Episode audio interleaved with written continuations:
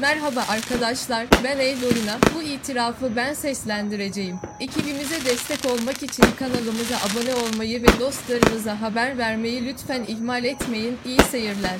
Adım Perihan. 18 yaşında kuzenimle birbirimize aşık olup 20 yaşına gelince de evlendik. Evliliğimizin 5. yılında başından geçen bir olayı anlatmak istiyorum. Bizim buralı olan ama evlenip başka bir memlekete gidip sonra da anlaşamayıp boşanıp gelen bir tanıdık vardı. Adı da Münevver. Ben ve eşim Ender 25, Münevver ise 30 yaşındaydı. Münevver ailesinin evine döndükten birkaç ay sonra bir cenazede karşılaştık. Nasıl olduğunu halin hatırını sordum. Biraz sohbet ettik. Sonra onu bize davet ettim. Birkaç gün sonra geldi ve o günden sonra sık sık gelmeye başladı. İlk başlarda her şey iyi hoştu. Eşim sohbetlerimize pek katılmazdı. Münevver'le de konuşması gerektiği zamanlarda ona abla derdi. Münevver gitgide kendine bakmaya, alımlı bir kadın olmaya başlamıştı. Tabi çocuk yok, koca yok, tek derdi kendiyle ilgilenmekti. Bir gün eşim Ander esprili bir şekilde Münevver'i görünce ''Oo Münevver hanım, her geçen gün daha da güzelleşiyorsun. Bu işin sonu nereye gidiyor?'' dedi. Normalde kocam öyle çok konuşkan bir adam değildi. Kendi sülalesindeki kadınlarla bile böyle samimi konuşmazdı. Eşimin bu hali beni şaşırtmıştı. Biz genelde Minerver'le hep mutfakta otururdu. Eşim de salonda TV izlerdi.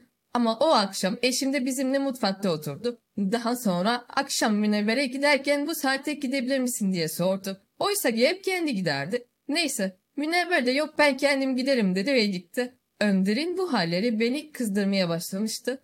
Münevver gittikten sonra hiçbir şey demeden mutfağı böylece bırakıp gidip yattım. Sabah kahvaltısında bugün Münevver gelecek mi diye sordu. Ben de niye özledin dedim. O da ne alaka ya dedi. Yine sinirlenip yanından kalkıp gittim. Artık bu durum hiç hoşuma gitmemeye başladı. O akşam yine eşim bizimle oturdu ve benden çok ikisi sohbet etti. Artık deli olmaya başladım. Sürekli eşime hesap sormaya başladım. Onu beğeniyor musun, aşık mı oldun gibi şeyler söylüyor. O da hep ya ne alakası var diyor, başka da bir şey demiyor, sohbeti kapatıyordu. Yine bir gün Münevver geldiğinde sen niye bir anda kendinle bu kadar ilgilenmeye başladın? Yoksa aşık mı oldun dedim. O da bana aman yok be ben artık erkeklere güvenmiyorum dedi. Ama bu cevap beni hiç tatmin etmemişti. Üç gün boyunca Münevver gelmedi ve eşim de eve geç geldi. Üçüncü günün sabahı eşim uyanınca yine konuyu açtım. Münevver kaç gündür gelmiyor. Sen de eve hep geç geldin. Siz kesin beni aldatıyorsunuz dedim. Eşim yine umursamaz bir şekilde kestirip attı. Sen beni münevverle aldatıyorsun, beni salak yerine koyuyorsunuz diye avazım çıktığı kadar bağırdım. Sonra da kalkıp çocukları alıp annemlere gittim. Tam dört gün boyunca ne aradığını sordu. En sonunda kız kardeşim gelip evine dön salaklık yapma. Bak sen yokken münevveri senin evinden çıkarken görmüşler dedi. O an kan beynime sıçradı. Hemen evime geri döndüm. Önder evde yatıyor, işe bile gitmemiş. Kaldırıp sorduğumda iş yerinde tadilat varmış. Bu da izinliymiş. Makyaj masasının üzerinde duran küçük bir takı kutum vardı. Bunu alıp kafasına fırlattım. Yalan söylüyorsun diye ortalığı inletiyordum. Daha sonra o münevver buraya geldi. Benim yatağımda siz birlikte oldunuz dediğimde bana yok münevver öyle bir kadın değil diye onu savunuyordu. Ben ise kıskançlıktan daha çok deliriyordum. Sonra bana git bir kahve yap niye geldiğini sana anlatayım dedi. Ama ben yine ona saldırdım ve onu sürükleyerek evden atmaya çalıştım. Biz kavga ederken tam o sırada Münevver aradı. Telefonu açtığımda burnumdan soluyordum. Ama yine de ona çaktırmamaya çalıştım. Nasılsın canım eve gelmişsin sana uğrayıp bir kahve içeyim dedi. Ben de olur gel dedim. Sonra Önder'e dönüp bu kadın ne ara öğrendi eve geldiğimi dedim. Önder de ben nereden bileyim? Sen geldin geldi hiç yataktan çıkmadım. Telefonu bile elime almadım görmüyor musun dedi. Daha sonra mutfağa geçip kahve yapmaya başladım. Ve içimden gel gel ben sana gösteririm Münevver diye sinirden ölüyordum. Beş dakika sonra kapı çaldı. Ben gidip açacakken Önder Bey kalkmış giyinmiş bir güzel gidip kapıyı açtı. Sanki hiçbir şey olmamış gibi samimi tavırlarla Münevver'i içeri aldı. Salona geçip oturdular. Normal bir şekilde sanki biz Önder'le hiç kavga etmemişiz gibi sohbet ediyorlar. Beni hiç takmıyorlardı. Ben ise mutfakta sinirden geberiyordum. Sonra ben de salona geçtim. Münevver o kadar güzel görünüyordu ki muhteşemdi ve salon onun parfüm kokusu ile dolmuştu. Parfümü çok etkileyici kokuyordu. Ben ise bakımsız, pasaklı bir haldeydim. Neyse, sonra Münevver'in suratına keskin bir şekilde bakarak hoş geldin dedim. O da sağ ol canım ne oldu evden gitmişsin dedi. Nereden duydum diye sorunca Önder söyledi dedi. Aa öyle mi dedim ve geçip koltuğa oturdum.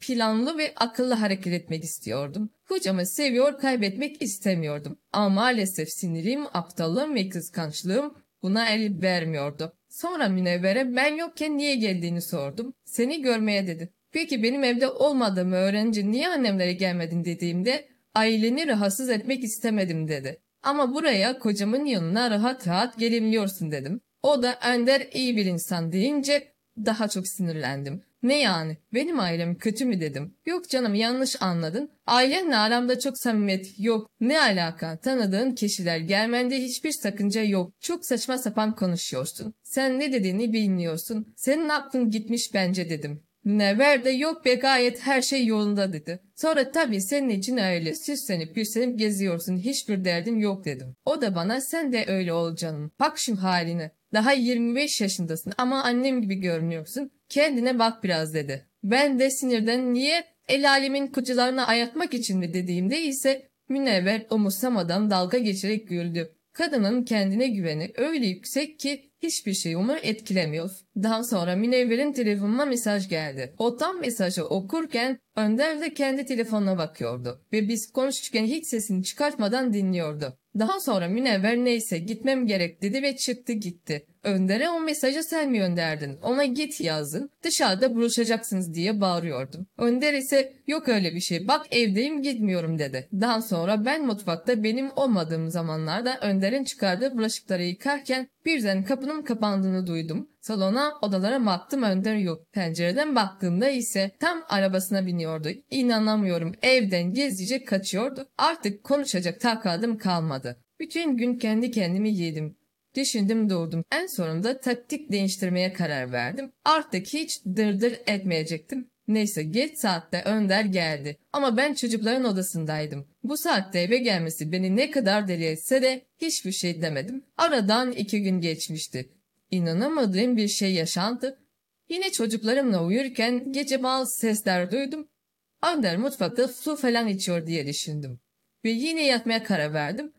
Ama sesler bir türlü kesilmiyordu. Kalkıp şuna bir bakayım dedim ve kalktım. Odadan çıkınca sesin bizim yatak odamızdan geldiğini duydum. Hemen gidip kapıyı açıp içeri girdim ve ışığı yaktım. Gözlerim kör olsaydı da bu manzarayı görmeseydim. Benim yatağımdan münevver çırılçıplak Önder de aynı şekilde çıplak onun üstündeydi. Beni görünce hemen Önder hiçbir şey olmamış gibi sen mi geldin dedi. Ben de evet ben geldim. Neyse siz rahatsız olmayın devam edin dedim ve çıktım. Bir mutfağa bir salona gelip çıkıyor vücudumu alev alev saran kıskançlıktan kuduruyordum. Bir ara pencereye gittim. Kendimi camdan atmak için ama çocuklarım vardı. Allah'ım nedir bu başıma gelen felaket? Sonra bir baktım bunlar hala odada. Acaba gerçekten devam ediyorlardı diye düşünürken tam bu sırada çıkıp yanıma geldiler. Üçümüz de 5-6 dakika hiçbir şey konuşmadı. Sonra Münevver özür dilerim canım dedi. Öylece basitçe. Ben de olsun ne olacak canım hiç önemi yok dedim. Sonra Münevver bak canım bu senin yüzünden oldu dedi. Ben de öyle mi nasıl başardım ben bu işi dedim. Münevver de ben buraya senin arkadaşların için geliyordum. Ama sen beni kıskançlığın yüzünden kocana ittin dedi. Bir anda nevrim döndü. Ayağa kalkıp avazım çıktığı kadar bağırdım ve sinirden baygınlık geçirdim. Önder Münevver'i hemen evine gönderdi. Beli ise koltuğa yatırdı. Önce su yedirip içirdi. Sonra yüzüme yüzüme kolonya sürdü. Yarım saat hiç konuşmadan için için ağladım. Sonra Önder çok özür dilerim. Böyle olsun istemezdim. Şeytana uydum dedi. Daha sonra o da Münevver gibi aynı şey dedi. Sanki önceden anlaşmışlar gibi. Ama gerçekten senin hatan. Ben bu kadına hiç o gözle bakmıyordum. Ama sen söyleye söyleye aklıma soktun. Artık kadın gözüme çekici gelmeye başladı dedi. Ona sadece nasıl olduğunu yani nasıl başladığını anlat dedim. Önce istemedi. Ben ısrar edince anlattı. Biz bir ara bununla dışarıda bu konuyu konuşmak için buluştuk. Sohbetin başlarında birbirimizle Perihan bizi kıskanıyor ama yanlış düşünüyor. Olur mu hiç öyle şey gibisinden konuşurken sohbet ilerledikçe Birbirimizi beğendiğimizi itiraf ettik. Ve olanlar oldu. Bak Perihan, iyi dinle. İşin gerçeği, iş yerinde bir arkadaşım uzun zamandır evlenmek istiyordu. Benim de aklıma münevver geldi. Seninle bu konuyu konuşmak istedim. Ama sen her fırsatta kıskançlık yapıyordun. Bir türlü fırsat olmadı dedi. Biz münevver yüzünden defalarca kavga ettik. Neden söylemedin? Tam aksine söyleseydin de kendini kurtarsaydın dedim. Boşandık. Onlar ise evrendi. Mutlu mesut yaşıyorlar. Ben de münevver gibi baba evine döndüm. Annem çocuklara bakıyor, ben de çalışıyorum. Artık Münevver'den daha bakımlı, güzel, zaten ondan gencim. Etrafımda bir sürü erkek kırdınıyor. Ama asla evlilik düşünmüyorum, hayatımı yaşıyorum. Neyse, uzatmak istemiyorum. Evet, kızsam da bu olayda benim hatam çok büyük. Hani bir laf var ya, eşeğin kulağına kar suyu kaçırdım. Sürekli münevver münevver diye diye kocamın aklına soktum. Ama siz, siz olun asla kıskandığınız kişinin adını telaffuz etmeyin. Asla ve asla yok filan kadın, yok bu kadın, yok şu kadın diye hedef kadın göstermeyin. Belli bir noktadan sonra erkeğe artık o kadın cazip gelmeye başlıyor. Elinizden geldiği kadar kıskandığınızı bile belli etmeyin hanımlar. Bugünlük de bu kadar. Abone olmayı, beğenmeyi, yorum yapmayı unutmayın lütfen. Hoşçakalın. Çevremin de söylemeli, güzel ve insanların dikkatini kolay çekebilen bir kadınım. Eski eşim Atahan'la da hastanede tanışmıştık. Atahan çok kibar bir beyefendi. Bir yıl kadar flört ettikten sonra evlenmeye karar verdik. Düğün hazırlıkları başlamış ve balayı için otel ayarlama telaşıyla uğraşırken düğün günü gelmiş ve görkemli bir törenle evlenmiştik. Ertesi gün valizleri alıp 10 gün sürecek güzel bir balayı tatiline çıktık. Her şey güzel gidiyordu ama Atahan balayında bana çok heyecanlı olduğunu söylüyordu. Özellikle de gece olunca. Gece olduğunda ona her yaklaştığımda yorgun olduğunu ve erteleyebileceğimizi söyledi. Ben de heyecanına saygı çok fazla sıkmak istemedim. Tatilde bol bol gezdik. Bir de otelin içindeki barda takılıyor. Ben alkole karşı dayanıksız olduğum için bir iki kadehte beni çarpıyordu. Atahan da bunu bildiği halde içerim diye ısrar ediyordu. Odaya döndüğümüzde de sızıp kalıyordu. Bir akşam yine bara gittik ve orada bir gençle tanıştım. İki saat kadar sohbet ettikten sonra ben yoruldum ve Atahan'a odaya gidebileceğimi ve orada onu bekleyebileceğimi söyledi. O da 15-20 dakikaya geliyorum aşkım dedi. Odada bir süre bekledim ama Atahan'dan ses yoktu. Sonra saate baktığımda bir saatten fazla zaman geçtiğini fark ettim ve onu aradım. Açmayınca da merak ettim. Önce gidip bir bara baktım. Bugün alkolü fazla kaçırmıştı belki de bir yerlerde sızmıştır diye düşündüm. Ama bara gittiğimde yoktu. Sohbet ettiğimiz gence baktım ama onu da orada göremedim. Sonrasında aklıma gencin sohbet arasında 210 numaralı odada kaldığını söylediği yerle. Birden onun odasına girip bir sorayım dedim. En son beraberlerdi çünkü niye düşündüm. Bardan çıkıp gencin odasına doğru gittiğimde odanın kapısında inleme sesleri geliyor. Atahan'ın sesini duyduğuma da emindim. Kapıyı bir şiddetle açtığımda Atahan ve o gencin birlikte olduklarını gördüm. O an beynimde şimşekler çıkıyordu. Nasıl olabilirdi bu? Atahan çarşafla vücudunu kapatmaya çalıştı ama beni görünce çok korktuğu da belliydi. Ben hemen orayı terk ettim. Atahan da peşinden koşuyordu. Koşuyordu ama o sinirle onu dinleyen kim? O gece sabaha kadar ağlayıp olanları düşündüm. Balayı tatilim ve en önemlisi sevdiğim adam tam bir hayal kırıklığıydı sadece. Sabah olunca otelden ayrılmaya karar verdim. Eşyalarımı tepeleme valize koydum ve otelden çıkış yaparken Atahan'la karşılaştık. Ama biraz daha sakinlemiştim tabi. Konuşmak istedi ve lobide oturup konuşmaya başladık. Neden bunu yaptın? Cinsel tercihin madem ki bu yöndeydi, o zaman neden benim hayatıma girdi? Umutlarımı ve güvenimi yok ettin dedim. Ben böyle sinirlendikçe o daha da sessizleşti ve sonra gözleri doldu. Tamam, anlatacağım sana ama asla beni yargılamanı istemiyorum. Ben de peki dinliyorum. Umarım geçerli bir sebebin vardır dedi. Ben son derece katı ve tutucu bir aileyle yetiştim. Sen de biliyorsun. Annem ve babam sert ve mükemmelliyetçi insanlar. Evdeki tek çocuk benim ama tek çocuk gibi yetiştirilmedim. Ailem hep ilgisiz ve parayla her şeyin hallolacağına inanan kişilerdi. Daha iyi eğitim alabilmek için Hollanda'ya göndermişlerdi. Onda kaldığım sürede kadınların ilgimi çekmediğini fark etmeye başladım. Zamanla cinsel tercihimin farklı olduğunu anladığımda da bunu ailemden saklamak zorundaydım. Çünkü toplum baskısına maruz kalacaklardı. Zaten eğitimim bitince de anne babamın baskısına dayanamayıp Türkiye'ye de doktorluk yapmak için geri döndüm. Kendime ait bir eve çıkmamı bile istemediler. Annem sürekli sütümü helal etmem triplerine girdi. Onları üzmeden bir şekilde kendi hayatımı yaşayabilirdim. Bu ancak biriyle evlenmekle mümkün olabilirdi. Seni kullandığım için çok üzülüyorum lütfen beni affet dedi. Ne düşünüp ne hissedeceğimi bilmiyorum.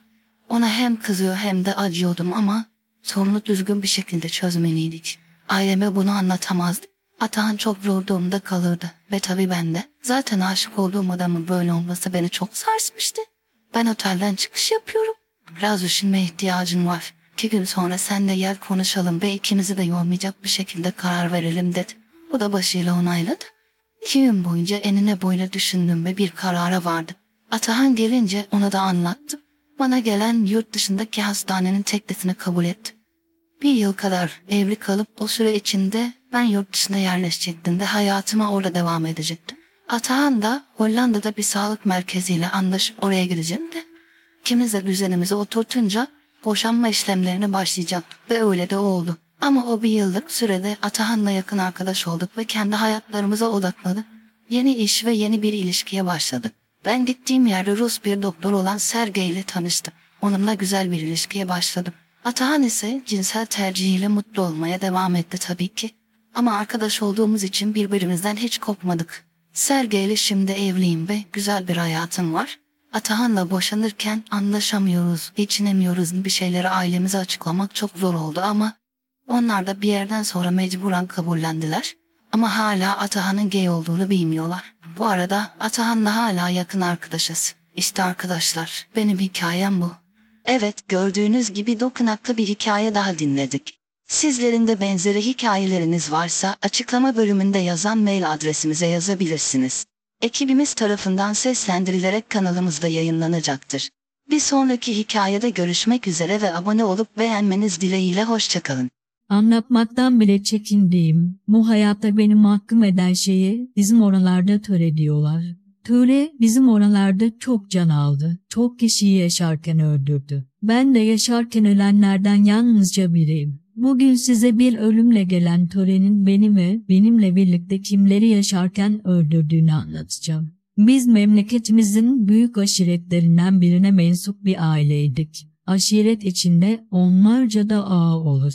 Rahmetli babam da o ağalardan biri, lafı sözü geçen bir adamdı. Bizim tamamını bilemeyeceğimiz kadar malı mülkü vardı. Yüzlerce köylü emrinde çalışırdı. Dört erkek kardeştik. Ben en küçükleriydim. Abilerimin üçü de evliydi. Benim büyüğüm olan Ahmet abim evleneli iki sene olmuştu. Ben o sıralar 22 yaşındaydım. Babamın kahyası Yusuf Efendi'nin kızı Zeyno'ya sevdalıydım. Onun da bende gönlü vardı. Babam Yusuf Efendi'ye güvenirdi, sever sayardı. Aramızda hiçbir engel yoktu. Evlenmek için gün sayıyordum. Zeyno'nun çeyizi bile hazırdı. Adımızın baş harflerini işlemişti bir mendiline. Sanki bir anda bir el dokundu yolunda giden her şeye. Hayatlarımız tepe taklak oldu o gün. Ahmet abim babamın işleri için sık sık şehir dışına giderdi. Yine iş için gittiği Hatay'dan Urfa'ya dönerken yolda uyuyakalmış bir tır şoförü arabasına çarpmış. Oracıkta can vermiş. Dünya başımıza yıkılmıştı. Kimse inanamamıştı abimin ölümüne. Ne anam, ne babam, ne de daha iki senelik evli yengem Seher. Hepimiz çok içindeydik. Abimin ölümü hepimizin hayatını değiştirecekmiş meğer.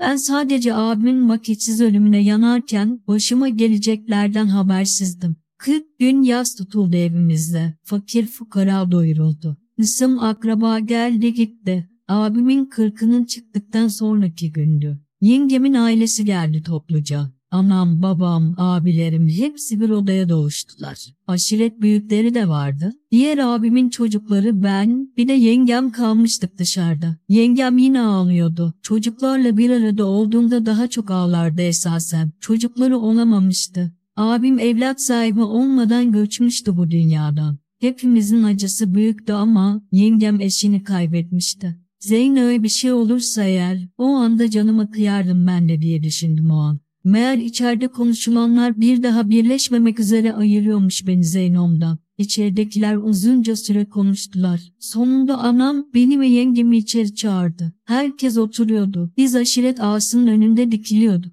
Ağa yavaşça konuşmaya başladı. Seher yengemin bu evin gelini olduğunu, bu evden ancak kefeniyle çıkabileceğini, dul kaldıktan sonra bu evde yaşamasının tek yolunun evin oğluyla nikahlanması olduğunu yoksa öldürüleceğini anlatıyordu. Dinlediklerim beynimde uğulduyordu adeta. Evin oğlu derken bahsedilenin ben olduğumu bile idrak edememiştim. Başımı yukarı kaldırdım. Yengemden tarafa bakamıyordum bile. Bizim oralarda büyüklerin sözünün üstüne söz söylemek, hele aşiret ağasına itiraz etmek mümkün değildi. Ama benden istedikleri ölümden beterdi. Bağırmaya başladım. Yengemi nikahımı alacağım mı ölürüm. Siz kafayı mı yediniz dedim. Babam ayağa kalktı. Yediğim tokat ve dudağımın kenarından sızan kanın tadı hala aklımdan çıkmıyor. Sesim kesilmişti. Tek düşündüğüm şey kafama sıkıp abimin yanına gitmekti. Bu söyledikleri yalnız benim ve yengemin hayatını karartmak değil, abime de ihanetti. Oynadığımız oyunlar, sıcaktan damda yattığımız geceler geliyordu aklıma. Nasıl yapardım bunu abime? Töreden kaçış yoktu. Tek kurtuluş ölümdü. Kalabalık dağıldı. Biz bize kaldığımızda anıma yalvarmaya başladım. Bu iş olamazdı, imkanı yoktu. İnsanlar sağır mıydı abimin karısını bana nikahlamak? Yazık ki bir işe yaramadı. Yengemin babası da ya evinizde gelin olur ya da ölüsünü alırız kapıdan demiş. Türü budur, çare yoktur dedi herkes. Abilerime gittim, beni vurun, bitsin bu iş dedim. Sen ölürsen eğer Seher de ölür, sebebi olursun dediler. Abimin öldüğüne mi yanayım, yengemin dul kaldığına mı? Yoksa yengemi bana nikahlamak istemelerine mi? Ben canımdan geçmiştim de yengemin canına nasıl sebep olacaktım? O da ölmeyi ister miydi benim gibi? Ben bu düşüncelerle boğuşurken haber çoktan köyde yayılmış. Zeyno bana bir daha yanıma uğramasın diye haber salmış. Çare yok, gözü kararttım. Ölüm bundan iyidir dedim. Önce yengemi vuracağım sonra kendimi. O sırada hoca ayarlanmış tabii. Abimin 52'si çıktıktan sonra imam nikahımızı kıyacak. Yengemin yüzüne bakamıyorum. Onun da benden farkı yok. Bir boşluk buldum. Aklımdakini ona da söyledim. Abime ihanet etmektense ölelim daha iyi dedim. Gözü yaşla dolu, ben zaten çoktan canımdan geçtim dedi. Şimdiye kadar kendimi çoktan asardım ama dedi ve sustu. Elini karnına götürdü. Gebeyim dedi. Ahmet'imin emanetine nasıl kıyarım dedi. Başımdan aşağı kaynar sular döküldü. Ya Rabbi bu nasıl bir sınavdı? Çare kalmadı. O hafta imam nikahımız kıyıldı. Yengemin gebe olduğu haberi ailelere verildi. Böyle şeyler bizim oralarda saklanırdı aslında ama gebelik hesabı yengemle nikahımızı tutmazdı. O yüzden babam ölen abimin emanetini herkese duyurdu. Yengemin doğumuna az kalmıştı. Zeyno nişanlandı. Benim gönlüm ondaydı, onun gönlü bendeydi. Ama ben nikahlı bir adamdım artık. Yengem bana nikahtan hemen sonra sen benim kardeşimsin. İster kuma olarak istensin ben razıyım demişti. Ama Zeyno'nun babası tek kızımı kuma olarak vermem dedi. Ben nikahlı, sevdiğim nişanlıydı artık. Hayatımız abimin ölümüyle yerle bir olmuştu. Seher doğum yaptı. Artık yenge demiyordu. Nasıl diyebilirdim ki nikahlı karımdı. Töre ne dediyse o olmuştu. Elimizden hiçbir şey gelmemişti. Yeğenim benim nüfusuma kaydoldu. Babam adını Ahmet koydu. Abimin hatırasını yaşatsın diye. Biz Seher'le aynı odada, o yatakta ben divanda tam beş sene geçirdik. Ahmet beni babası bilmişti. Bana baba diyordu. Kaderimize boyun eğmiştik. İçimizde sızı ile yaşamaya alışmıştık. Zeyno'nun da bir kızı olmuştu o sıralar. Allah bağışlasın. Abimin yürüttüğü işleri ben yürütmeye başlamıştım. Günlerce Urfa'ya gitmediğim olurdu. Çoğu zaman işleri kasıtlı uzatırdı. Eve gitmek benim için kafese girmekten farksızdı. Hayat böyle akıp gidecek diye düşünüyordum. Daha ne gelebilirdi ki başıma? Yanıldım. Anam eve gittiğim zamanlarda söylenir oldu. Beş yıldır nikahlısınız, bir bebeğiniz olmadı. Köyde senin için kısır diye laf çıkarmışlar diye söylenip duruyordu. Biz yalnız sözde nikahlıydık. Seher benim için hala abimin karısıydı. Daha dokunmak bir kenara gözüm gözüne değmemişti. Anamın söylenmeleri giderek arttı. Yine şehir dışından geldiğim bir gün Seher'in yüzü gözü şişti. Ne oldu diye sordum, düştüm dedi. İnanmadım. Israrla sorunca oğlumun adını kısıra çıkardın diye anam dövmüş. Gözüm döndü. Anneme koştum hesap sormaya. Sordum sormasına da ben ağanın oğluysam eğer babam ağanın kendisiydi. O da aynı şeyleri bana söyledi. Adamı iki paralık ettirmem. Hürriyetsiz oğlum olacağını hiç olmasın dedi. 27-28 yaşında bir delikanlıydım. Abimin karısıyla nikahlıydım. Köyde konuşulan laflar benim de kulağıma geliyordu. Erkeklik gururuma dokunuyordu. Başımı alıp gitmek istiyordum. Geride abimin emanetlerini nasıl bırakırdım? Onları da alıp gitsem diyordum. Gençtim. Cesaretim yoktu. O günkü korkaklığın bedelini bugün vicdan azabıyla ödüyorum. Çaresiz bu isteklerine de boyun eğdim. Seher o zamana kadar yengemdi benim için. Ama o zamandan sonra karım olmuştu. O zamandan sonra abim rüyalarımdan çıkmaz oldu. Hiç konuşmuyor, yalnız hesap sorar gibi bakıyordu. Kan ter içinde uyanıyordum sürekli. Anamın babamın törenin isteği oldu. Bizim de bir oğlumuz oldu. Babamın adı koyuldu. Dışarıdan her şey normal görünüyordu. Olması gerektiği gibiydi. Ama benim vicdanım da uykularım da rahat değildi. Yıllarımız böyle geçti. Sekiz sene önce babam öldü. Yerine de en büyük abim ağalığı devraldı. Ağalık bundan sonra onun soyundan yürüyecekti. Benim ağalıkta gözüm yoktu ama uzaklarda gözüm vardı. Abimin ağalığı fırsat oldu. Temelli olarak taşındık Urfa'dan. Ben, Seher ve oğullarımız. Burada kimse bizim hikayemizi bilmiyor anlatmadık. Anlatmak istemedik. Bugün dönüp bakınca ben mi ağanın oğlu olarak töreye boyun eğdiğim için suçluyorum kendimi. Abimin hatırasına hakkıyla sahip çıkamadım. Rüyalarda hesap veremezken mahşerde nasıl hesap verecektim? Hakkım değil belki ama bunca yıl sonra hala Zeyno düşüyor aklımı. Acaba o yuvasında mutlu mudur diye düşünüyorum. Allah'tan dileyim abim beni affetsin. Onunla ölemediğim için affetsin. Evet arkadaşlar, bugün Mustafa Bey'in oldukça etkileyici itirafını seslendirdik. Sizin de benimle paylaşmak istediğiniz itiraflarınız varsa lütfen benimle iletişim kurun. Yorumlarınızı ve beğenilerinizi bekliyorum. Kendinize iyi bakın. Hoşçakalın. Aynı mahallede doğmuş, büyümüştük. Arkadaştık, dostluk, kardeşlik. Bilemezsin kim dost, kim düşman. Bazen tuttuğun endir seni arkadan vuran. Fidan, canım arkadaşım. Benim hayatımın en büyük hatası senin hayatının en büyük acısı oldu. Orta halli bir mahallede doğduk büyüdük. Yan komşumuzun kızı Fidan'la. Aynı bahçede geçti. Bebekliğimiz, çocukluğumuz, ergenliğimiz ve cehennem gibi geçen genç kızlığımız. Aynı mahallede yaşayan, hali vakti iyi olan bir ailenin oğlu olan Orhan'a daha ergen kızkenden beri aşıktı Fidan. Ama Orhan'a asla açılamıyor, çok utanıyordu. Fidan'ın amcasının oğlu Hasan'la Orhan arkadaştılar. Gün geçtikçe arkadaşlıkları ilerliyor, daha sık görüşüyorlardı. Hasan, Fidan'ın aşkını fark edince ikisinin arasını yaptı ve nişanlandılar. Fidan yıllarca aşık olduğu çocuğa kavuşmuş, rüyalarını yaşıyordu. Artık biz Fidan, Hasan, Orhan ve ben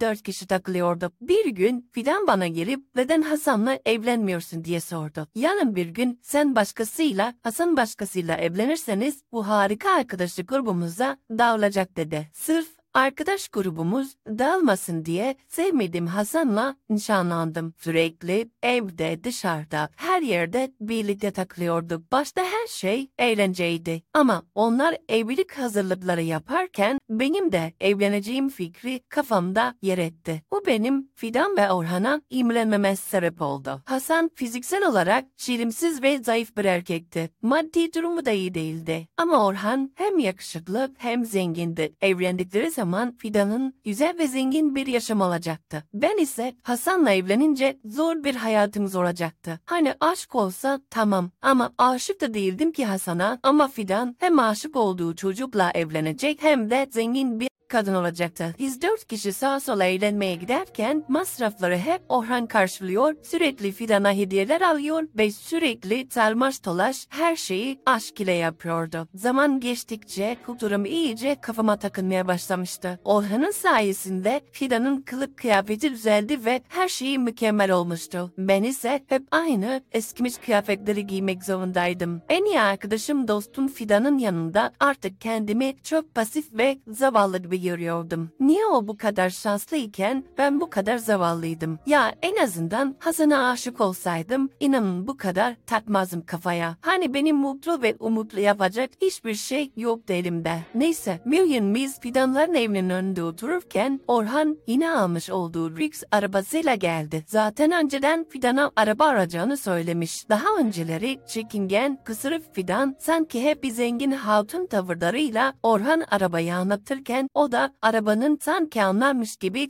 solunu kontrol ediyordu. Sonra Orhan hadi bir tur atalım dedi. Fidan bana hiçbir şey demeden arabaya bindi. Orhan bana da gel dedi. Ben de yok siz gidin dedim. Ama Orhan ısrarla beni de arabaya bindirdi. Yol boyunca arabanın önünde oturan Fidan hiç benimle tek kelime konuşmadı. Bu bana kendimi daha da dışlanmış ve kötü hissettirdi. Sonra Orhan bir kafeye gidelim dedi. Ve biz bir kafeye geldik. İçeceklerimiz geldikten sonra Orhan lavaboya gitti. Fidan yine tek kelime konuşmadı benimle. O an anlamıştım. Fidan artık onlarla gezmemden hoşlanmıyordu. Oysa ki bu arkadaş grubu bozulmasın diye kendisi benim hiç sevmediğim kuzeniyle nişanlanmama sebep olmuştu. O günden sonra artık birlikte takılmıyorduk ve Hasan'la nişanı atma kararı aldım. Fidan'ın keyfi için neden boşuna bu gereksiz evliliği yapacaktım ki? Neyse anneme konuyu açtım. Annem biraz düşün hemen karar verme dedi. Ama ben annemi ikna ettikten sonra nişanda takılan birkaç altını götürüp geri verdi. Fidan duyunca hemen yanıma geldi. Neden ayrıldın? Siz iyiydiniz dedi. Ben de hayır iyi değildik. Sen istedin diye nişanlandım dedim. O da sen de istiyorsun sandım dedi. Ben de hayır yanlış sanmışsın. Ben sana ne zaman gelip de Hasan'a aşık olduğumu söyledim ki dedim. Sen arkadaş grubumuz bozulmasın aramıza yabancı girmesin diye bize nişanlan demiştin. Unuttun mu? Neyse tamam. Zaten az bir zaman sonra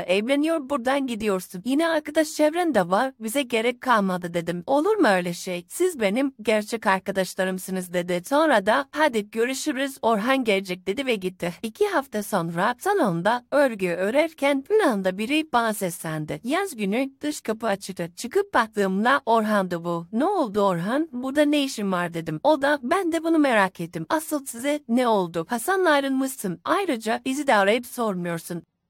Fizan çok üzülüyor. Neler oluyor size dedi. Ben de yok bir durum. Biz insanla anlaşamadık ve ayrıldık. Fidan'a gelince ne bileyim iş güç vakit olmuyor dedim. Sonra Orhan bak üç gün sonra Fidan'ın doğum günü. Halamların yaz bahçesini çok sever biliyorsun. Orada ona sürpriz bir doğum günü hazırlıyoruz. Lütfen gel ama lütfen dedi ve gitti. Yine Fidan'ın keyfi söz konusuydu. Tabii ki de gitmeyecektim ama ertesi gün Hasan geldi. Ayrıldığımız günden beri ilk defa karşılaşmıştık. Aslında çok iyi niyetli bir çocuktu Hasan. Keşke onu sevebilseydim. Neyse biraz konuştuk. O da beni davet etti doğum günü için. Onun için bir umuttu belki barışırız diye. Ablamdan biraz borç alıp kendime güzel bir elbise aldım. Kuaföre gittim. Sonra da Hasan'la buluşup doğum gününe gittik. Yine de her şeye rağmen Fidan beni görünce sevinir sandım. Ama tam aksine bir anda yüzü asıldı. Gözlerime inanamamıştım. Neden bana böyle davranıyordu? Hemen geri dönmek istedim. Ama insanların içinde utancımdan geri dönemedim. O kadar mahcup olmuştum ki anlatamam. O akşam Fidan doğru dürüst yanıma bile uğramadı. Hasan da ikide bir beni yalnız bırakıyordu. Yapacak bir şeyim olmadığı için ben de tek başına bahçeyi gezmeye başladım. Güzel bir yaz günü. Akşam üzeri güneş yeni batıyor. Müzik çalıyor ve çok güzel bir bahçeydi. Bütün çiçekler vardı. Allah'ım neden bizim de böyle bir evimiz ve paramız yoktu? Eskiden zenginlik para pul pek umurumda olmazdı. Ama bu fikri bana aşılayan Fidan'ın görgüsüz tavırlarıydı. Burası Orhan'ın halasının şehirdeki evlerin bahçesi ve çok zenginlerdi. Neyse ben tek başına dolaşırken Orhan yanıma geldi. Gözlerimin içine dikkatlice bakarak sen ne kadar güzelmişsin. Ben bunu niye fark etmedim dedi. Sarhoş olduğu için onu ciddiye almadan sen Fidan'la meşguldün hep dedim. Özür dilerim seni göremediğim için dedi ve belime sarıldı. Daha sonra çalan müzik eşliğinde dans etmeye başladı. Sonra beni öpmeye başladı. Önce tepki vermeyi düşündüm ama Fidan'ın bana karşı tavrı aklıma gelince onu durdurmadım ve ben de onu öptüm. Devamında ise elimden tutup beni bahçenin gizli kalan yerlerine götürdü ve biz birlikte olduk. O günden sonra Fidan'la aramız iyice açıldı ve artık hiç görüşmüyorduk. Ama bir gün bahçedeki çöpler yüzünden aramızda kavga çıktı ve ben dayanamayıp Fidan'ın yüzüne haykırarak Orhan'la birlikte olduğumuzu söyledim. Bunu duyunca hiçbir şey söylemeden bahçeden sessizce ayrıldı. Fidan'ın ayrılmasına sebep olurum diye pişman olmuş ve korkmuştum. Ayrıca Orhan'la birlikte olmam ailemle de aramda sıkıntı yaratabilirdi. Ama Fidan ne Orhan'a ne de başka birine asla bu konudan bahsetmemiş. Zengin bir yaşam var için içinde. Neyse Fidan Orhan'la evlendi. Ama ablası her görüşmemde bana Fidan'ın durumunu anlatıyor. Dert yanıyor kız kardeşi için. Evlendikten sonra Fidan'ın karakteri değişti.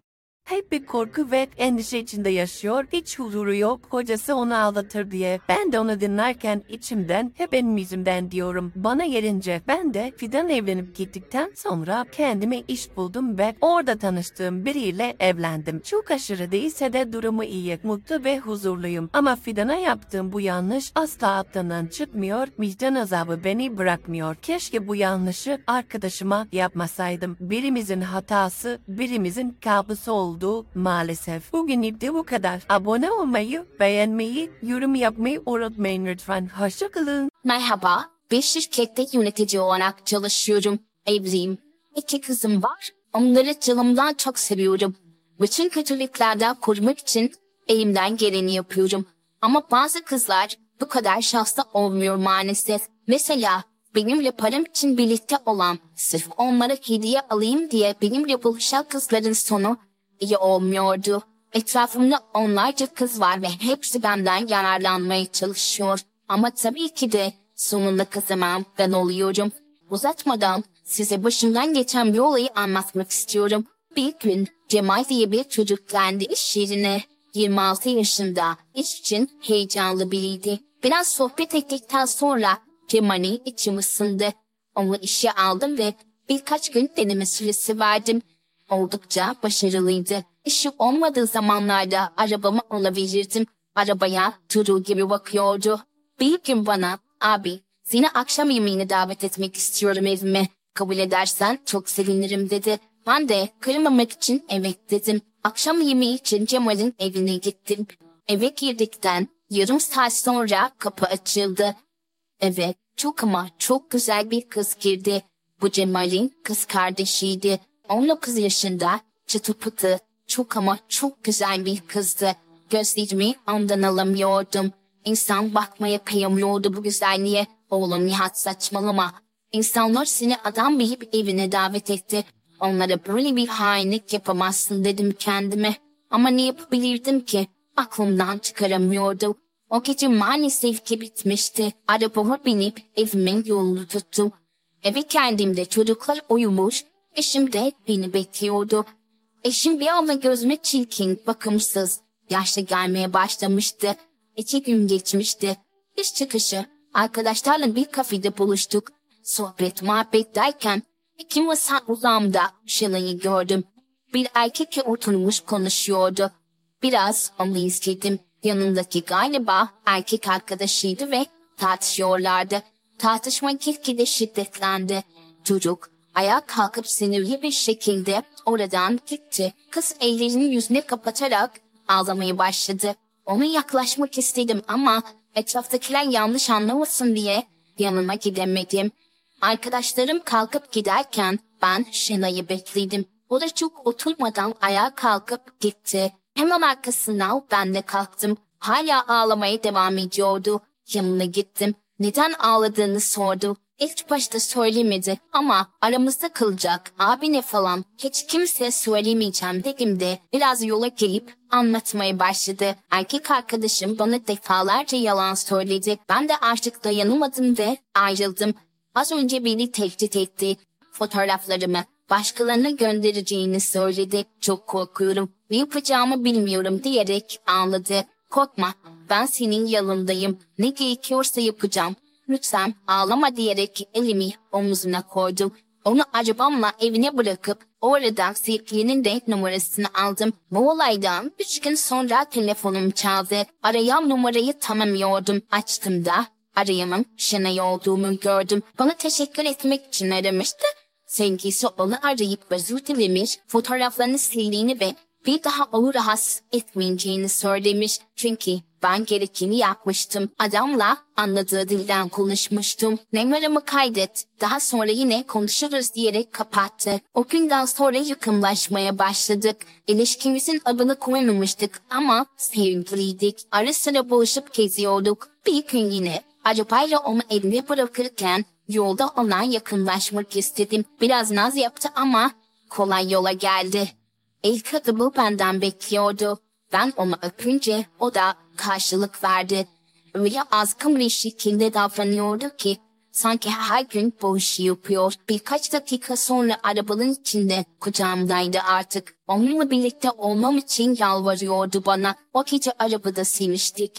İstediğimi aldığım için artık o kızda gözüm yoktu. Ama o hala beni aramaya devam ediyordu. Kalbini kırmamak için ara sıra konuşuyordu. Cemal gerçekten iyi bir çocuktu ve kardeşinin böyle biri olduğunu bilse çok üzülürdü. Bir gün Cemal'e beni eve bırak sonra araba sende kalabilir dedim. Beni eve bırakmadan önce Cemal'in telefonu çaldı. Biraz telaşlı bir şekilde konuştu. Tamam Biraz sabret geliyorum dedi mi kapattı. Ne olduğunu sorduğumda kuzenim hastalanmış. Onu hastaneye getirecek kimsesi yok. Benden yardım istedi. Seni eve bıraktıktan sonra onun yanına gideceğim dedi. Ben de sen beni boş ver. Hadi gidelim kuzenini almaya. Belki benim de yardım edeceğin bir şey vardır. Tamam diyerek arabayı kuzeninin eline sürdü. Gerçekten de evde kimse yoktu. Kuzeninin ateşi vardı ve titriyordu alıp hemen hastaneye götürdük. Bir serum takıp birkaç da ilaç verdiler. Kötü bir şey yok. Sadece üşütmüş diyerek bizi bir saat daha hastanede tutup daha sonra bıraktılar. Cemal kuzenini eve bırakırken yolda bizi tanıştırdı. Kuzeninin adı Aylin'miş. O da en az Şenay kadar güzeldi. Aylin'le de burada tanışmış olduk. Birkaç kez benim arabamda karşılaştıktan sonra konuşmaya başladık. Paturu bana yabancı değildi. Bunun gibi onlarca hatta yüzlerce kız gördüm. Hepsinin tek ortak noktası para. Hem Şanay'la hem Aylin'le konuşup buluşuyordum arada ve birbirlerinden habersiz geldi. Ama bir gün başıma hiç beklemediğim hatta tahmin bile etmediğim bir olay geldi. O günü hiç unutmuyorum. Şenay beni arayarak buluşmak istediğini söyledi. Tamam dedim de kabul ettim. Telefonu kapatır kapatmaz Aylin aradı. O da buluşmak istediğini söyledi. Biraz garibime geldi ama sonra güldüm de ona da tamam dedim. Anca öyle saatlerde buluşma ayarladım. Şenay bana bir evin adresini verdi. Oraya gittim diye hiç beklemediğim bir şey oldu. Şenay beni kapıda karşıladı. Eve girdik. İçeride Aylin vardı. Onu görünce bir anlık duraksadım. Bana seni kuzeninle kavuşturmak istiyorum diyerek Aylin'i gösterdi. Aylin ayağa kalktı. Tokalaşmak için elini uzattı. Biz birbirimizi tanıyoruz. Geçen gün bu bayanı hastaneye götürdüm dedim. Aa gerçekten mi? Hiç haberim yoktu dedi Şenay. Biraz oturup sohbet ettikten sonra Aylin başka, biz de başka odaya geçtik. Kuzenine ayıp or, yapmayalım desem de dinletemedim. Kendimi garip hissediyordum. Bir an önce gitmek istiyordum buradan. Ben bu düşüncedeyken odanın kapısı açıldı. Aylin çırılçıplak bir şekilde ben de sizinle olmak istiyorum dedi. Ben şoktaydım. Şenay tabii ki de dedi. Ben hayatımda ilk kez böyle bir şey yaşıyordum. Kızlar ikisi de işlerini iyi yapıyorlardı. İşimizi bitirdikten sonra dolaptan içki alıp içmeye başladılar. Bana da teklif ettiler ve birlikte içtik. Bu keyifli günün sonunun nasıl biteceğini bilmeden devam ederken kapı açıldı ve içeri iki adam girdi. Bizi öyle görünce direkt benim üzerime yürüdüler. Beni öyle bir dövdüler ki iki gün hastanede yattım. Onlardan şikayetçi olmak istedim fakat ellerinde benim kızlarla olan görüntülerim vardı. Beni tehdit ediyorlardı. O fotoğraflardan bir tanesi bile bilinen ele geçtiydi. Hem iş hem de evlilik hayatım tamamen biterdi. Bu yüzden sesimi çıkaramadım. Ama o günden sonra hayatımın en berbat günlerini yaşamaya başladım. Benden para istiyorlardı. Bugün yüz, yarın bin, ertesi gün milyon.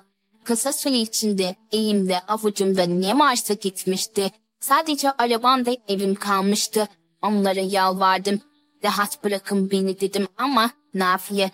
Sonunda arabamı da satarak son kuruşuna kadar onlara verdim. Eşime iş yerinde borçlandım diyerek yalan söyledim. Ama inanmadı. Ben de kumar oynadım. Orada kaybettim dedim. En azından ona ihanet ettiğimi bilmesin. Yoksa kahrolurdu. Bir müddet sonra işimden de olmuştu. Eve ekmek alamayacak duruma geldiğim için eşim de beni terk etti. Şimdi tek başıma parasız pulsuz kalmıştım. Uzun zaman sonra öğrendim ki aslında bunların hepsi bir tuzakmış ve bu tuzağa düşen tek ben değilim. O iki kuzen tavladıkları erkekleri böyle yapıp son kuruşlarına kadar alıyorlarmış. Kızlarım için biriktirdiğim param da gitmişti. Şimdi çok iyi anlıyorum ki beni ben yapan paraymış. Para bana kendimi çok güçlü hissettiriyordu.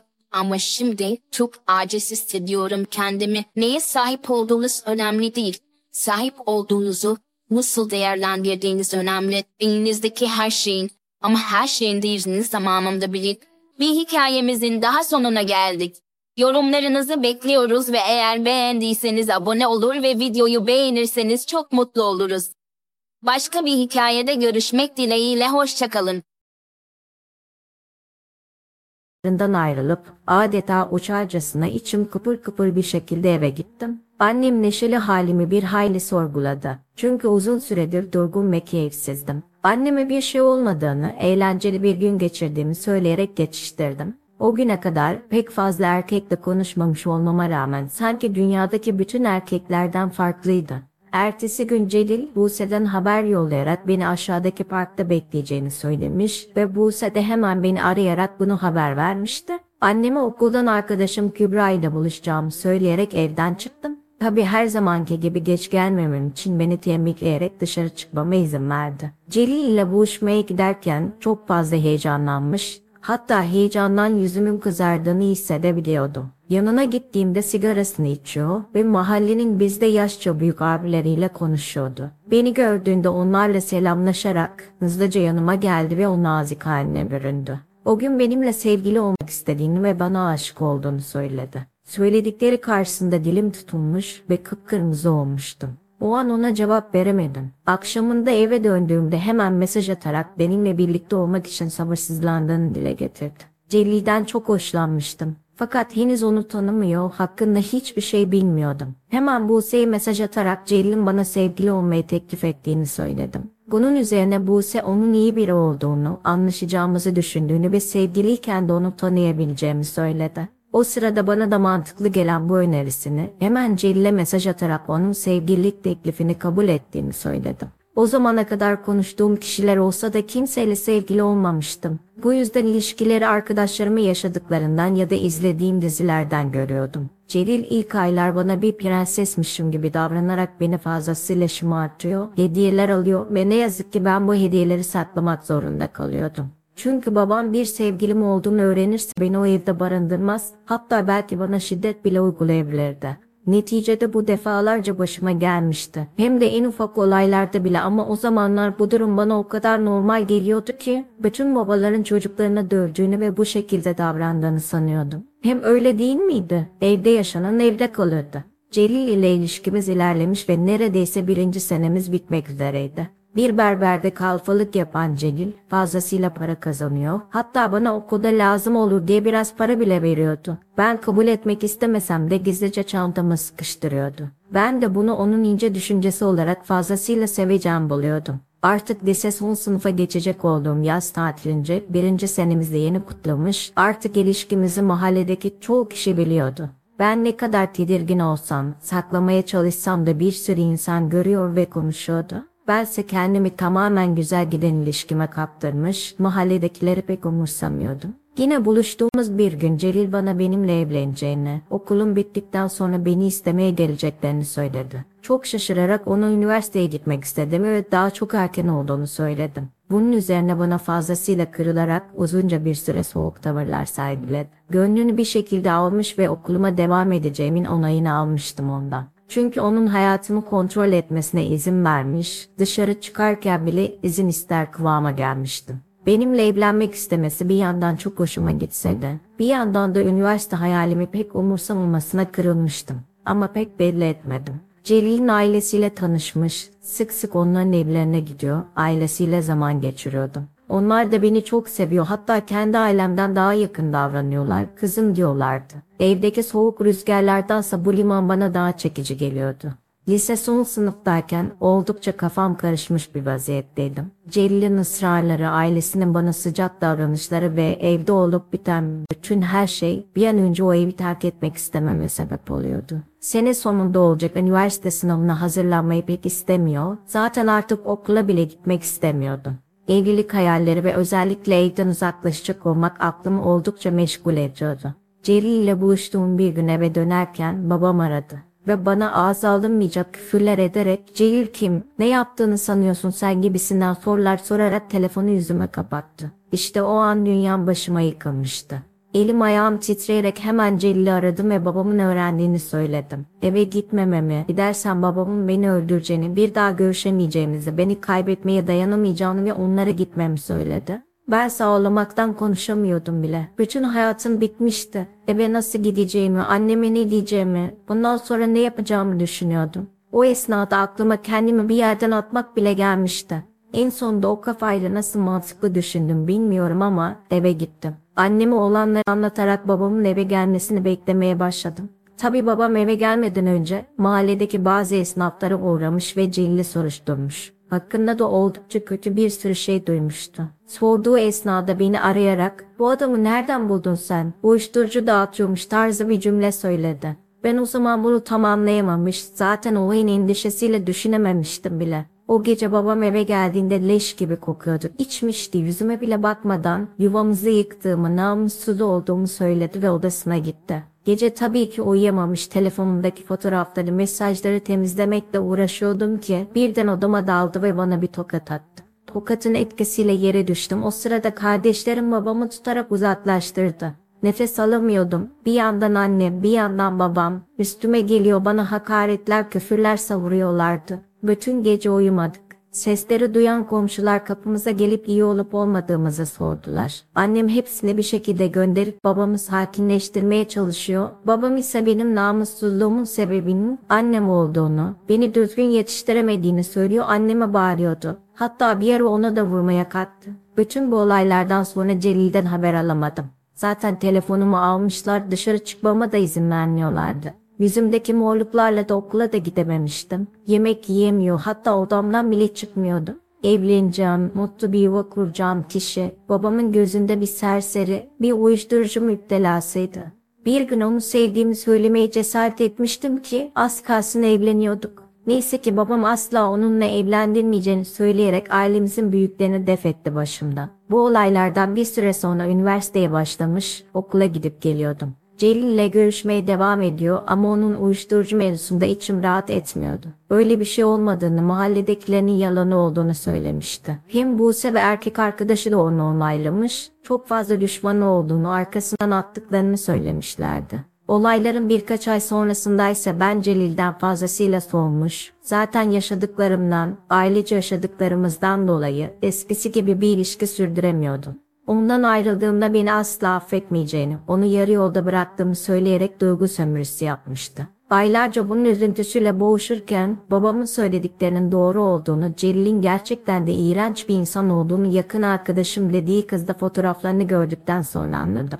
Evet işte, uğruna hayallerimden vazgeçmeyi düşündüm. Ailemi karşıma aldım. Böylesine katı bir babaya bile onu sevdiğimi söylediğim adam, böyle vefasız, böyle utanmazdı. İlişkimiz biter bitmez yeni bir ilişkiye başlamış. Belki de benimle birlikteyken o kızla da birlikteydi. Orası meçhul. O kadar güvendiğim, sevdiğim insanın bu ihaneti üzerine büyük bir badireyi atlattığım seneler sonra mahallemizdekilerden öğreniyordum. Benden sonra birlikte olduğu kişiyi evlenme vaadiyle kandırıp nişanda ve söze takılan takılarla ortadan kaybolan Celil'in aslında iflah olmaz bir dolandırıcı ve uyuşturucu satıcısı olduğunu öğrendim. O günden sonra kimseye güvenemez oldum. En yakın dediğimiz insanlar bile bizi kolayca kandırabiliyor. Hatta yeni tanıştığımız insanlar bir sürü yalanla hayatımızın baş köşesine geçebiliyordu. Artık kimseye güvenemiyorum. Uzun bir sürede bir ilişki yaşayabileceğimi sanmıyorum. Paylaşmak istedim. Evet arkadaşlar bir videomuzun daha sonuna geldik. Lütfen beğenilerinizi ve yorumlarınızı esirgemeyin. Hoşçakalın. Merhaba arkadaşlar kanalıma hoş geldiniz. Takip etmeyi, abone olmayı unutmayın lütfen. Keyifli dinlemeler. 8 ay önce eşimi ve bebeğimi doğum yaparken kaybetmiştim. Bilirsiniz böyle acılarda insan çok kötü oluyor. Cenazeden sonra abim beni kendi evimde yalnız kalmayayım diye bırakmadı. 8 aydır onlarda kalıyordum. Bir gün hasta olduğum için abim o gün işe yalnız gitti.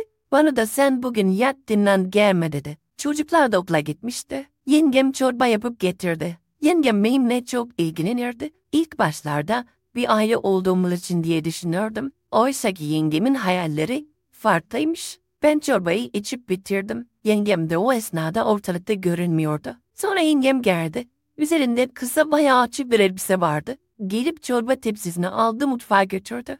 Galiba dışarı çıkacak diye düşündüm. Ama bu elbise ne böyle? Abim böyle giyinmesine izin vermez ki. Bunu şimdi diye düşünüyordum. Yine geri geldi ve koltuğa oturup ayak ayak üstüne atıp ee çorba nasıl olmuş dedi. Ben de iyi eline sağlık yenge dedim. Sonra hayırdır dışarı mı çıkıyorsun? Bu elbise ne çok açık olmamış mı? Abim kızmasın dedim.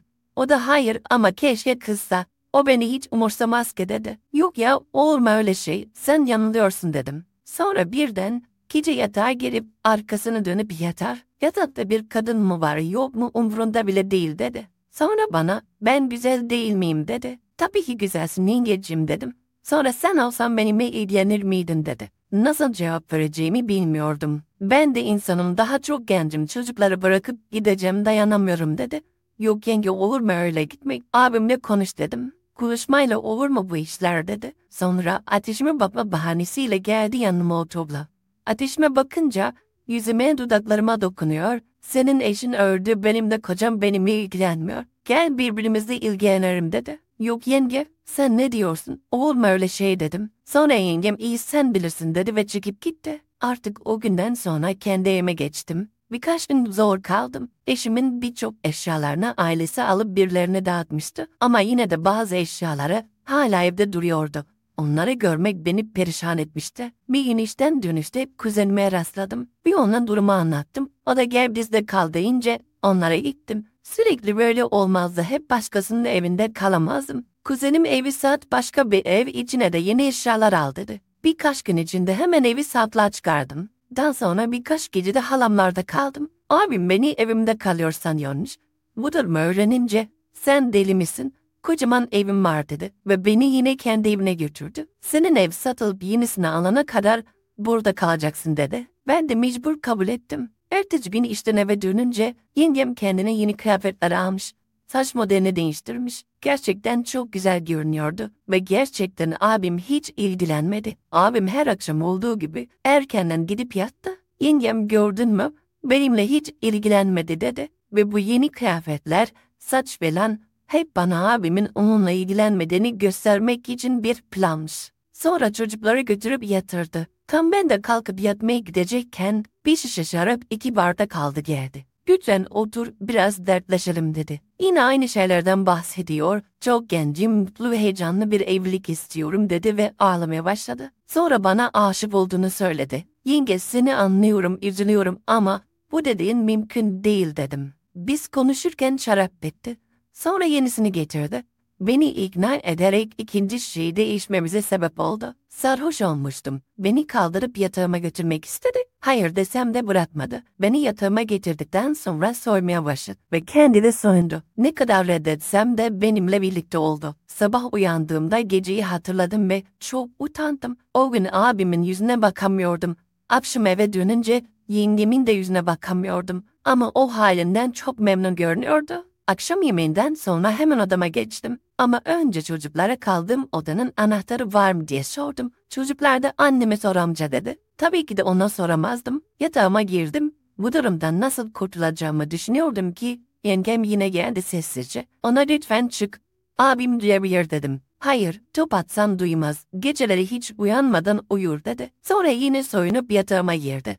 Çok güzeldi. Çıplak vücuduna karşı koyamıyordum Yine birlikte olduk. Tam 9 ay boyunca artık yengem sanki benim karım olmuştu. Bunu yapıyordum ama müthiş derecede vicdan zabı çekiyor, içten iyice eriyordum. Bir gün bizim markete annemin teyzesi ve kızları geldi ve bana neredeyse iki yıl oldu. Artık evlen, bir yuva kur dediler. Sonra onların tanıdığı bir kız varmış, 25 yaşında, hiç evlenmemiş. Bir tanış gör dedi annemin teyzesi. Hiç evlenmemiş genç bir kız, dul bir adamla evlenmeyi düşünüyorsa, bu kızda bir hal var diye düşündüm içimden ve hiç uğraşamam dedim. Zaten başımdaki dert beni bitiriyordu. Onlar da sen yine de bir düşün. Biz onunla bir ara uğrarız deyip gittiler. Bir hafta sonra annemin teyzesinin kızı yine geldi. Yanında da genç bir kız vardı. Hiç ihtimal vermiyordum ama beni tanıştırdığında bahsettikleri kişi oymuş. İsmi de Ceyda. Çok güzel, etkileyici, havalı, bakımlı bir kızdı. Benim gibi dul bir adamla evlenmeyi düşündüğüne göre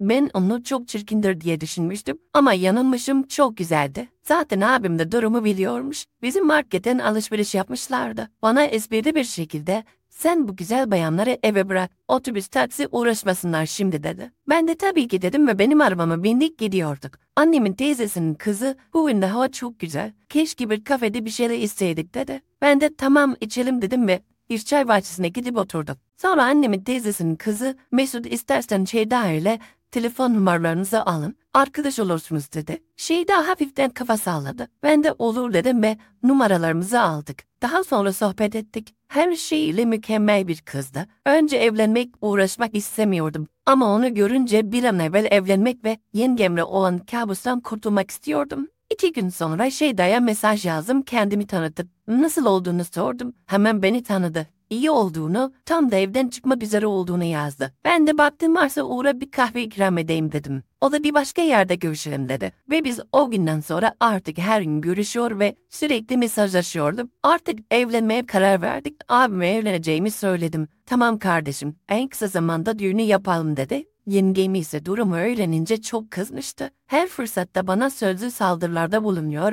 abine söylerim intihar ederim gibi tehditler ediyordu. Ben ise evleneceğim güne kadar sabrediyordum ve onu odama asla almıyordum. Çünkü odanın anahtarını bulmuştum ve kapım hep kilitli oluyordu. Neyse, Şeyda'yı ailesinden istedikten sonra söz uzun sürmedi düğünümüzü yaptık. Bu arada evim satıldı ve yenisini almıştım. Şeyda'yı o kadar çok seviyordum ki ona hiç karışmadım. İstediği eşyalarla istediği gibi evimizi döşemişti. Bütün bunlar yaşanırken yengem Şeyda'ya o kadar soğuk ve kötü davranıyordu ki korkuyordum. Şeyda da bunun sebebini anlayamıyordu. Ama Şeyda'ya yengemi takma boşver, hiç görüşmeyiz olur biter diyordum. Abimlere hiç gitmiyordum. Abim de Şeyda gibi bu durumu yani hiç evlerine gitmeyişimizi anlamıyordu ama başka çare yoktu. Neyse bizim evlilik hayatımız mükemmel gidiyordu. Yine bir gün abimle markette çalışırken yengemin telefonundan 7 yaşındaki yeğenim abimi aradı ve ona annesinin onları okula götürmek için bir türlü uyanmadığını söyledi.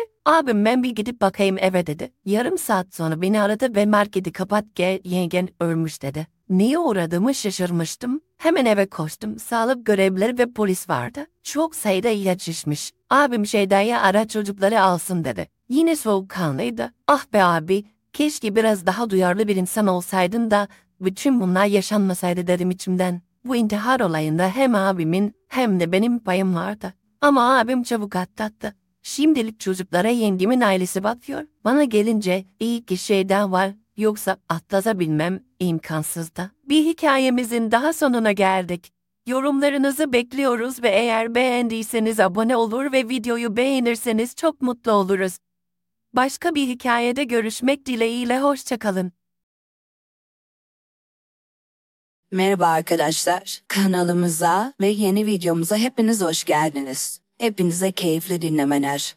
Babamın ödediği bir özel üniversitede moda tasarımı okuyordu. Ne de olsa babamın tekstil firması vardı. İleride abim yönetime bakar, ben de tasarımlar üzerine çalışırım diye düşünüyordum. Hayatı istediğimiz gibi yaşamaya alışmıştık. Hepimizin altında arabası vardı. İstediğim zaman istediğim yere gidiyordum. Abim her sene arabalarına yenisini eklerdi. Ben ise en pahalı kıyafetleri, çantaları, ayakkabıları ve kozmetik malzemeleri eve yığardım. Ne yazık ki alışık olduğumuz bu hayat bir anda tepetaklak oldu. Babamın işleri bozulmuştu. Aslında bir anda yaşanan bir durum değilmiş bu. Uzun süredir devam eden bir sıkıntı yaşanıyormuş. Ama babam durumu bize belli etmeden düzeltmek için çabalamış. Borç almış, yüklü krediler çekmiş. Maalesef ki durumu düzeltmek için attığı her adımda biraz daha borca batmış. Ve durum içinden çıkılmaz bir hal almış. Sonuç olarak biz bu durumu öğrendiğimizde durumun düzelme ihtimali kalmamıştı. Babam eski dostlarını arayıp ortaklık teklif ediyor, en azından borç vermeyi kabul etmelerini rica ediyordu. Ama çabaları hep sonuçsuz kaldı. Sonunda alışık olduğumuz hayata dair her şey bir bir elimizden kayıp gitti. Babamın sahip olduğu gayrimenkuller, evler, arabalar tek tek satılıyordu. Ama yine de borçları bitirip durumu düzeltmeye yetmiyordu. Abim paranın suyu çekilince Amerika'dan dönmek zorunda kaldı. Annem kendisini yıllardır kıskanan arkadaşlarının diline düştüğü için poker partilerine ve dernek balolarına katılamaz olmuştu. Ben ise okula devam ediyordu. Ama bu durum öyle hızlı yayılmıştı ki herkesin arkamdan konuştuğunu biliyordu. Bu senenin ücreti hali hazırda ödenmişti. Ama bir sonraki sene okula devam edip edemeyeceğim belli bile değildi. Sonunda elimizde yalnızca oturduğumuz evimiz kalmıştı. Yıllardır yanımızda çalışan hizmetliler bile maaşları ödenmediği için bırakıp gitmişti. Duruma ayak uydurmakta zorlanıyorduk. Kendi işlerimizi halletmeye ya da parasızlığa alışık değildik. Evde kavgalar artmıştı. Huzursuzluk rutin hayatımız oluvermişti. Ben de dahil hepimiz ayrı ayrı bunalımdaydık. Bana en çok bayıla bayıla aldığım kıyafetlerimden, çantalarımdan vazgeçip satmaya başlamak koymuştu. Zaten mevcut durumda onları giyip takabileceğim yerlere dahi gidemiyordum. Ama onların da yavaş yavaş azalması, önceki hayatıma dair son izlere de veda etmek demekti benim için. Sonunda korktuğumuz ama beklediğimiz son bizi buldu. Ben doğduğumdan beri yaşadığımız, benim de bütün hayatımı geçirdiğim ev haciz. Babamın avukatı gelip evi satıldıktan sonra bize yetecek bir ev almamız için ayrılacak paranın bize verileceğini söylediğinde rahat etmemişti için. Aynı standartlarda bir evde yaşayamayacağımızın farkındaydım çünkü. Bunlar yaşanırken hayatımızı tekrar değiştirecek olan kişi girdi sahneye. Babamın yıllardır görüşmediği, iletişimi kesilmiş arkadaşı Faruk amca. Babamla üniversitede yakın arkadaşlarmış. Yıllar önce Faruk amca yeni iş kuracağı zaman ona çok destek olmuş. Ama hayat şartları ve Faruk amcanın işleri büyütüp yurt dışına gitmesi sebebiyle iletişimleri kesilmiş. Tesadüfen işler için döndüğünde ortak tanıdıklar vasıtasıyla babamın durumunu öğrenip ona ulaşmış. Babam da daha önce yardımı dokunan arkadaşının ona yardımı dokunabileceği ümidiyle bir akşam yemeğe davet etmiş. Faruk amca davetini kabul etmeyip bizi kendi evine davet etmiş. Bunu öğrendiğimde gayet memnun olmuştu. Çünkü ne benim ne de annemin misafir ağırlayacak kadar mutfak bilgisi yoktu. Babamın da ne birilerini tutacak ne de catering yapabilecek kadar parası yoktu. Yemek akşamı bizi alması için oldukça lüks bir araba göndermişti. Babamın en iyi dönemlerinde bile bizim için bile pahalı olan bu araca biraz da eskiyi özlemekten olsa gerek hayran kalmıştı. Evine vardığımızdaysa bizi bir evden daha çok bir şatoya benzeyen yapı karşıladı. Faruk amcanın bizden daha zengin olduğu kat kat belliydi. Eğer babam bir şekilde ikna eder ve yardım alabilirse eskisinden daha iyi duruma gelebilirdik. Yemek sıcak ve çok güzel geçti. Ama Faruk amca yıllar sonra gördüğü ve zamanında ettiği yardımdan dolayı tüm varlıklarını borçlu olduğunu söylediği okul arkadaşından yani babamdan çok benimle ilgilenmişti. Yemek boyu gözleri üzerimdeydi. Bazen okulla, bazen de benimle alakalı sorular sorup durdu. Faruk amcanın bizim için ne kadar önemli olduğunu, dikkatli davranmamız gerektiğiyle ilgili babam uzun bir konuşma yapmıştı evden çıkarken. O konuşmanın da etkisiyle elimden geldiğince kibar cevaplar veriyor. Bir saygısızlık yapmamak için çaba sarf ediyordum. Yemeğin sonunda Faruk amca babama işler konusunda müsterih olmasını, her şekilde destek olacağını, bir ortaklık kurabileceklerini söylediğinde babamı aylar sonra gülerken görmüştüm. Tam çıkarken bana yöneldi. Madem moda tasarımı okuyorsun, benim burada bulunan giyim şirketinde senin için bir pozisyon ayarlayayım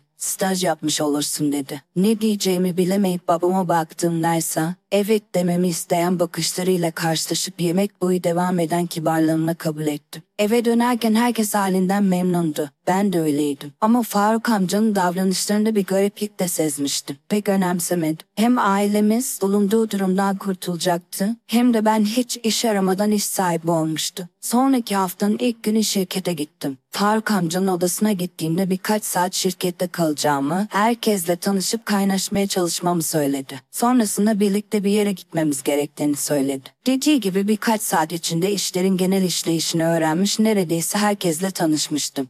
Sonrasında ise Faruk amcayla şirketten çıktık. Onun arabasına binip yola koyulduk.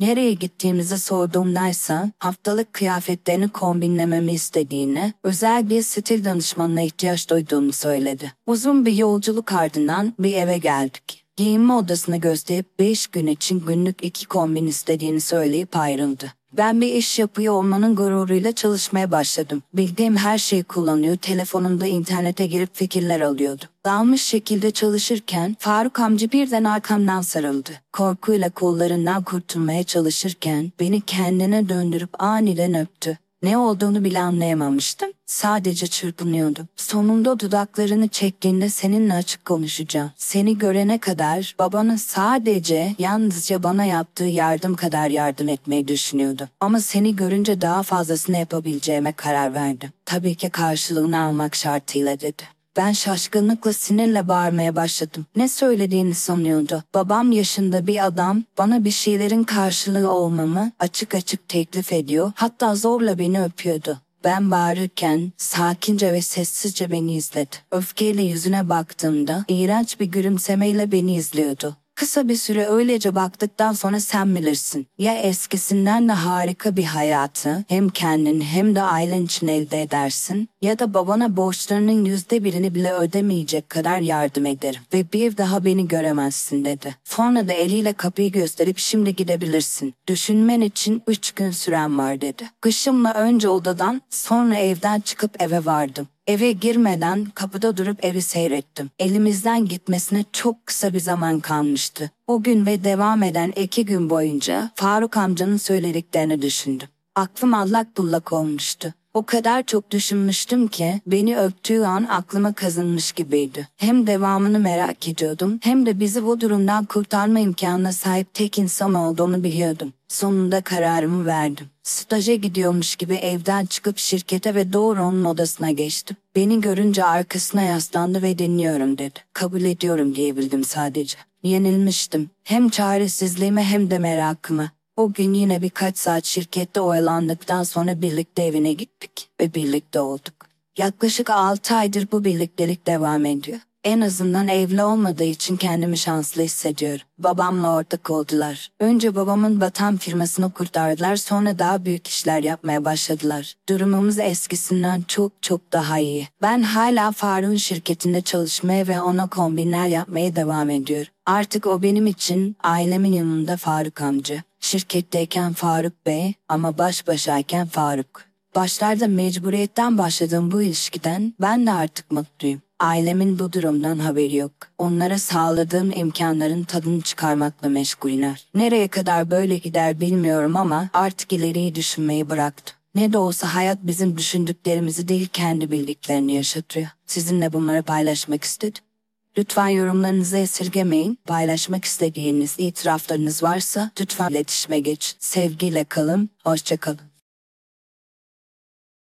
Merhaba, bugün sizlere sevgilisi tarafından boynuzlanan güvenlik görevlisinin itirafının seslendireceğiz. Sizlerin de benzeri itiraflarınız varsa bize mutlaka gönderin. İsterseniz isimleri ve yerleri değiştirerek seslendirebiliriz. Mail adresimiz saturn5kanal@gmail.com. Videoya geçmeden önce klasik hatırlatmamızı da yapalım. Kanalımıza abone olur, videoyu beğenir ve bildirim zilini açarsanız çok çok mutlu oluruz. Keyifli izlemeler. Merhabalar. Ben İstanbul'dan Ömer. Aslen Trabzonluyum. Şu an İstanbul Havalimanı'nda güvenlik görevlisi olarak çalışıyorum. Sizlere 2020 yılında sevdiğim Esra'nın beni nasıl boynuzladığını anlatacağım. Herkese keyifli dinlemeler. Esra 26 yaşında, aslen Sivaslı ama ailesiyle birlikte Sakarya'da, üniversite okuyor. Biz Esra ile 2018 yılında arkadaş vasıtasıyla tanıştık ve ciddi düşünüyor, sürekli yazışıp konuşuyorduk. Esra'nın Sakarya'da evine yakın oturduğu ve aynı bölümde okulu Melisa vardı. O da 25 yaşındaydı. Esra sürekli dekolte tarzı giyenli erkeklerle gereğinden fazla muhatap olan bir kız. Melisa ise Esra'ya göre daha ağır başlı oturaklı bir kızdı. Neyse şimdi olay anlatmaya başlıyorum. 2020 yılının Nisan ayıydı. Nisan'ın 21'i. O gün, gündüz nöbetinden geldiğimde telefonuma bakıp Esra'nın beni bir kez bile aramadığını ve bir mesaj dahi atmadığını fark ettim. Melisa ile aramız gayet iyiydi. Esra ile normale devamlı konuşuyorduk. O gün beni hiç aramayınca endişe ederek Melisa'yı aradım tabi. Melisa da dönmedi telefonlarıma. Face'e girdim çünkü Esra bende değildi. Melisa da Messenger'da hem Esra'nın hem de Melisa'nın aktif olduğunu gördü. Esra'ya hemen Messenger'da aşkım bugün niye hiç yazmadın, aramadın dedi. Normalde Messenger'da aktifse yazdığım mesaja hemen dönerdi.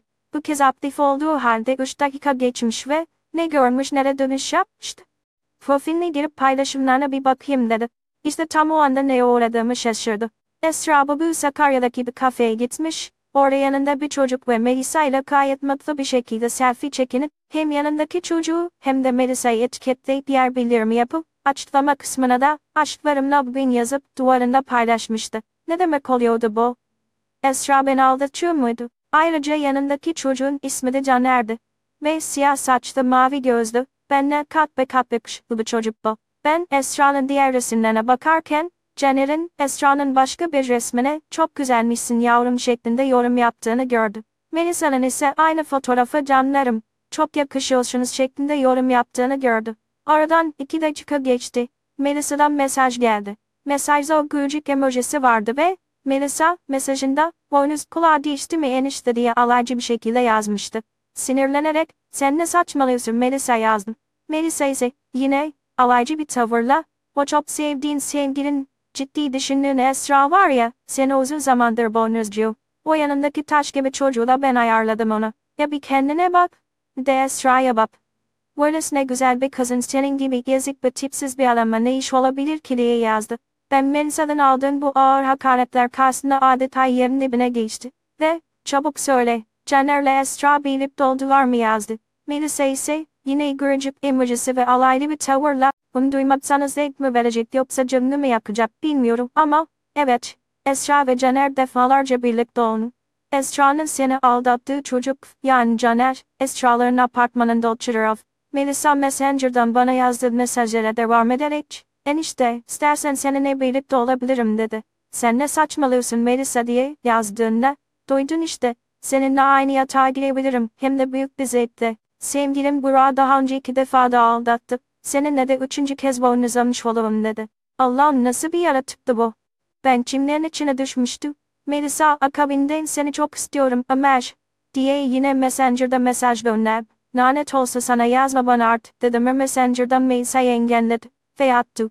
Bu arada akşam olmuş, saat 9'a gelmişti. Melisa ile yazışmakta zamanın nasıl geçtiğini anlamamıştı. Gün boyu çok yorulduğum için akşam erken yattım ve gece su içmek için kalktım. Baktım saat 5 ve Melisa'dan cevap vardı. Bana kendine ait açık bir videosunu gönderdi. Ve videoyu gördüğümde ne halim varsa göv. Edepsizliği yazarak Melisa'yı engelledim. Melisa'yı engelledikten sonra çok değil. Sadece bir saat önce Esra'nın bana WhatsApp'tan mesaj attığını gördüm. Mesajında, Ömer, her şey bir oyundan ibaretti. 3-4 yıl seninle gönül eğlendi. Seninle konuşurken bile hayatında Caner vardı. Sana tavsiyem, bu kadar kalpli ve saftirik olma. Devir çakallık devri canın diye yazıp beni WhatsApp'tan engelledi. Ve son mesajı okuduğumda oturup saatlerce ağladım. Kendi kendime, ben ne kadar safmışım, ne kadar aptalmışım dedi. Başıma gelenler bitti mi? Tabii ki hayır. Melisa, başka numaralardan arayıp beni sürekli taciz etmeye devam etti. Ve en sonunda numaramı engelledi. Futbolu. Ve başıma gelen bu olaylardan sonra anladım ki bu dünyada kimseye güven olmaz. Hikayemi sonuna geldi. Kanalınızda yer verirseniz çok sevinirim. Başarılarınızın devamını diliyorum.